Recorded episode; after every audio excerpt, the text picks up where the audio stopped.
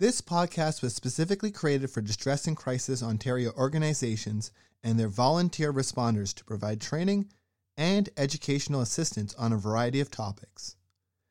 As information evolves and changes, these podcasts are meant to offer ongoing support with the goal of updating them on an ongoing basis. We thank the volunteer responders and the contributors to this podcast.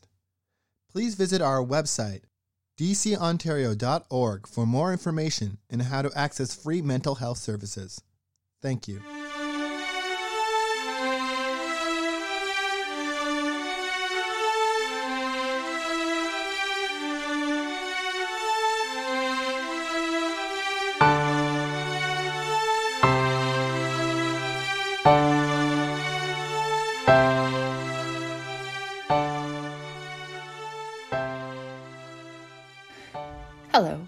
Name is Caitlin Plant, and I am a program manager at Distress and Crisis Ontario. Thank you for listening to our podcast. I hope wherever you are listening to this that you are warm, safe, and feeling well. Cold and flu season is officially upon us, and with it comes the potential for increased rates of COVID 19. I don't know about you, but in my personal life, there have been a lot of people struggling with one virus or another, and both of my own children have been ill on separate occasions this week. According to an article from CTV News, Canada has officially entered into an influenza epidemic, with hospital visits from patients experiencing flu like symptoms being considerably more than the seasonal average. The Public Health Agency of Canada is also reporting a rising number of influenza cases across the country.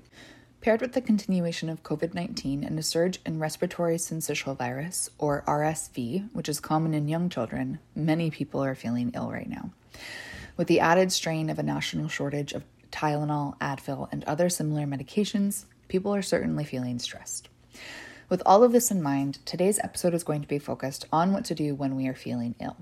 We'll be talking about when and how to call into work or maybe school if you aren't feeling well, how we can practice self care that will hopefully allow us to recover more quickly, and similarly, how to care for others who are ill. So, when should we be calling in sick? The information I'll be sharing in this section of the podcast comes from an Indeed.com article titled How to Call in Sick for Work Professionally. If you're feeling unwell and are wondering if you can work or should stay home instead, try to evaluate your symptoms and overall health objectively. For example, if you feel tired but have no other symptoms, you might decide you can attend work safely and perform your job effectively. If you have contagious symptoms, need to see a medical professional, or feel you cannot perform your job well, you may decide to call in sick. If you believe your symptoms are contagious, it's more respectful to your colleagues to take time off and recover before returning to your workplace helping to prevent anyone else from getting sick. If your evaluation of your symptoms has led to the decision that you do need to call in sick, or you need to use a sick day to care for someone else, here are some helpful tips to properly navigate using sick leave. Research your company's sick policy in advance. When you begin a new job, your company should provide you with information about your sick leave policy. Learn whether your sick leave is paid, whether you have to accrue hours to earn sick leave, how many sick days your company provides, and how to call or email in sick. You should aim to understand what your employer considers a sick day and how to contact your workplace before you have an absence from work. Keep it brief and professional. When notifying your employer about your sick day, try to keep the message short and direct and inform them as soon as possible. You can mention your specific illness if you feel comfortable, or you can say you need to miss work because of a medical concern or condition. Track your available sick leave. If your workplace provides a limited number of sick days, keep track of how many days you have used and how many you have remaining. Know how many days your employer allows per year or how many sick leave hours you've accrued before taking leave. Consider your availability. Depending on your situation, you may decide to respond to emails or texts periodically throughout the day. This is usually optional when you're sick, since resting and getting better is important. But if you're missing work for an extended time and want to check in with your team, you might consider creating a communication plan during your absence. If working from home is a possibility and you feel up to it, this is also an option to explore. If you're someone who feels anxious about calling into work, even when you are clearly unwell, you may want to practice with a friend or family member before contacting your employer. There are also many scripts and suggestions on how to call in sick available online that you could pull up on your computer or smartphone to help you. Your local distress line would also be a good resource for practicing your call or to speak with someone beforehand to calm your anxiety. Everyone gets sick sometimes, and we all deserve the ability to take the time we need to rest and heal. Try not to let anyone make you feel guilty or dramatic for taking care of yourself. On the topic of taking care of ourselves, what are some things we can do to feel better now that we've taken some time off from work? According to Upstate Medical University, antibiotics won't help if you're suffering with a cold or flu caused by a virus, but you can take measures to help yourself feel better. Try adding the following suggestions to your routine for the duration of your illness and maybe even afterwards to keep from getting ill again. Stay home and rest. Many viruses, including influenza, come on hard and fast. While home, wash your hands often with soap and water, wipe down high touch surfaces with a disinfectant, and try to stay away from others in your home. Your body needs to battle what is ailing you. Extra sleep can help your immune system function at its best and potentially shorten the duration of your illness, and can also help prevent you from becoming sick in the first place. Get additional sleep if you can, or curl up with a blanket to read, do a crossword puzzle, or watch TV. Additionally, making sure you have enough sleep every night can help strengthen your immune system to keep you from getting sick next time. If you're struggling to sleep well, you can listen to our episode on the importance of sleep from April of this year. Otherwise, healthy people can expect to fight a cold for 7 to 10 days. Flu symptoms should go away in about 5 days, but you may still feel weak for a few days after.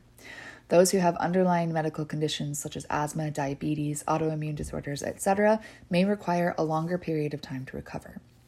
Consider yourself contagious until you have been free of symptoms for two to three days.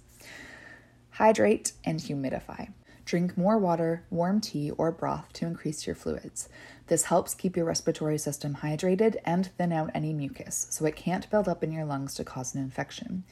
If you're feeling congested in your head or chest, spend some time in a warm, steamy bathroom. Close the door and let the shower run hot. If the air in your home is dry, run a humidifier or vaporizer in the room where you're resting. When possible, treat your symptoms even if you cannot treat the underlying illness. Acetaminophen, ibuprofen, and naproxen can all help lower a fever and soothe body aches that may accompany your illness. If you're unsure what to use, you can ask your doctor which is best for you.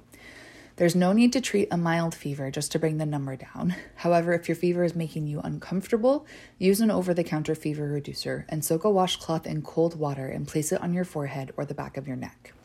Keep your body temperature where you are comfortable so you can rest. If you have a cough, an expectorant can help thin mucus so you can cough it up. Lozenges, especially those with menthol, can also help quiet coughs and soothe sore throats. Both colds and flus can cause increased mucus, so it's good to note that antihistamines and decongestants can help with a runny or congested nose. You may want to check with your doctor before you use these medications, especially decongestants, as some of them can raise blood pressure or cause heart issues. Saline nose drops and sprays are safe and effective for all ages to help break up nasal congestion. Put several drops into one nostril and gently blow the mucus and saline out, then repeat on the other side. Eat well. In addition to staying hydrated, be sure to eat nourishing foods, including fruits, vegetables, and whole grains. If none of the above seems to help, when should you call the doctor?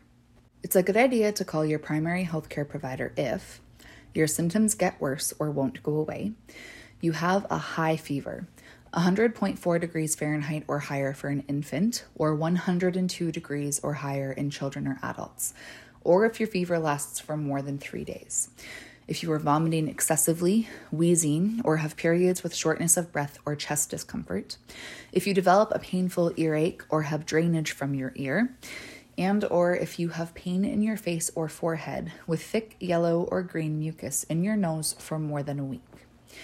If you are unsure whether you should see a doctor, you may want to start with a telehealth or virtual care option. Especially since the rise of COVID, there are many reliable at home healthcare options you can choose from. Health Connect Ontario is a great online resource to start with where you can check your symptoms, connect with a registered nurse to talk, find a health service near you, and more. Simply Google Health Connect Ontario, and they should be the first choice to appear. When it comes to caring for others who are sick in your home, whether they be your children, a significant other, a different family member, roommates, or someone else, all of the earlier suggestions for self care will benefit them. Do your best to encourage them to follow each of the steps we already talked about. For your own well being, try to maintain distance from the person who is sick as much as you are able. Speaking as a mom, I know how impossible it can be to maintain distance from a sick child, so try not to stress about it if this isn't possible.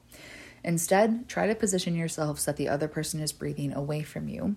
Clean and disinfect shared surfaces often. Keep shared spaces well ventilated, and try to boost your own immune system by resting up, eating well, and minimizing stress. Thank you for listening to today's episode. As always, if you need to talk about something related to this podcast or about anything that's going on in your life, ONTX and our members are here for you. You can find your nearest member center by visiting our website at www.dcontario.org forward slash locations. ONTX can be reached via online chat from any page of our website by using the Looking for Support sidebar, or can be reached through text by sending the word support to 258 258. ONTX is available from 2 p.m. to 2 a.m. Eastern Standard Time daily, and many of our member centers operate 24 7. If you would like to provide any feedback on the content of our podcast or request future content, please do take the time to fill out our feedback form. You can access the form through the link in the show notes of this episode, and we would love to hear from you.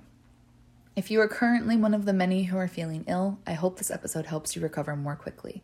And if you've managed to avoid the many bugs and viruses floating around, I hope it stays that way. Take care, stay safe, and I hope you'll join us again next week.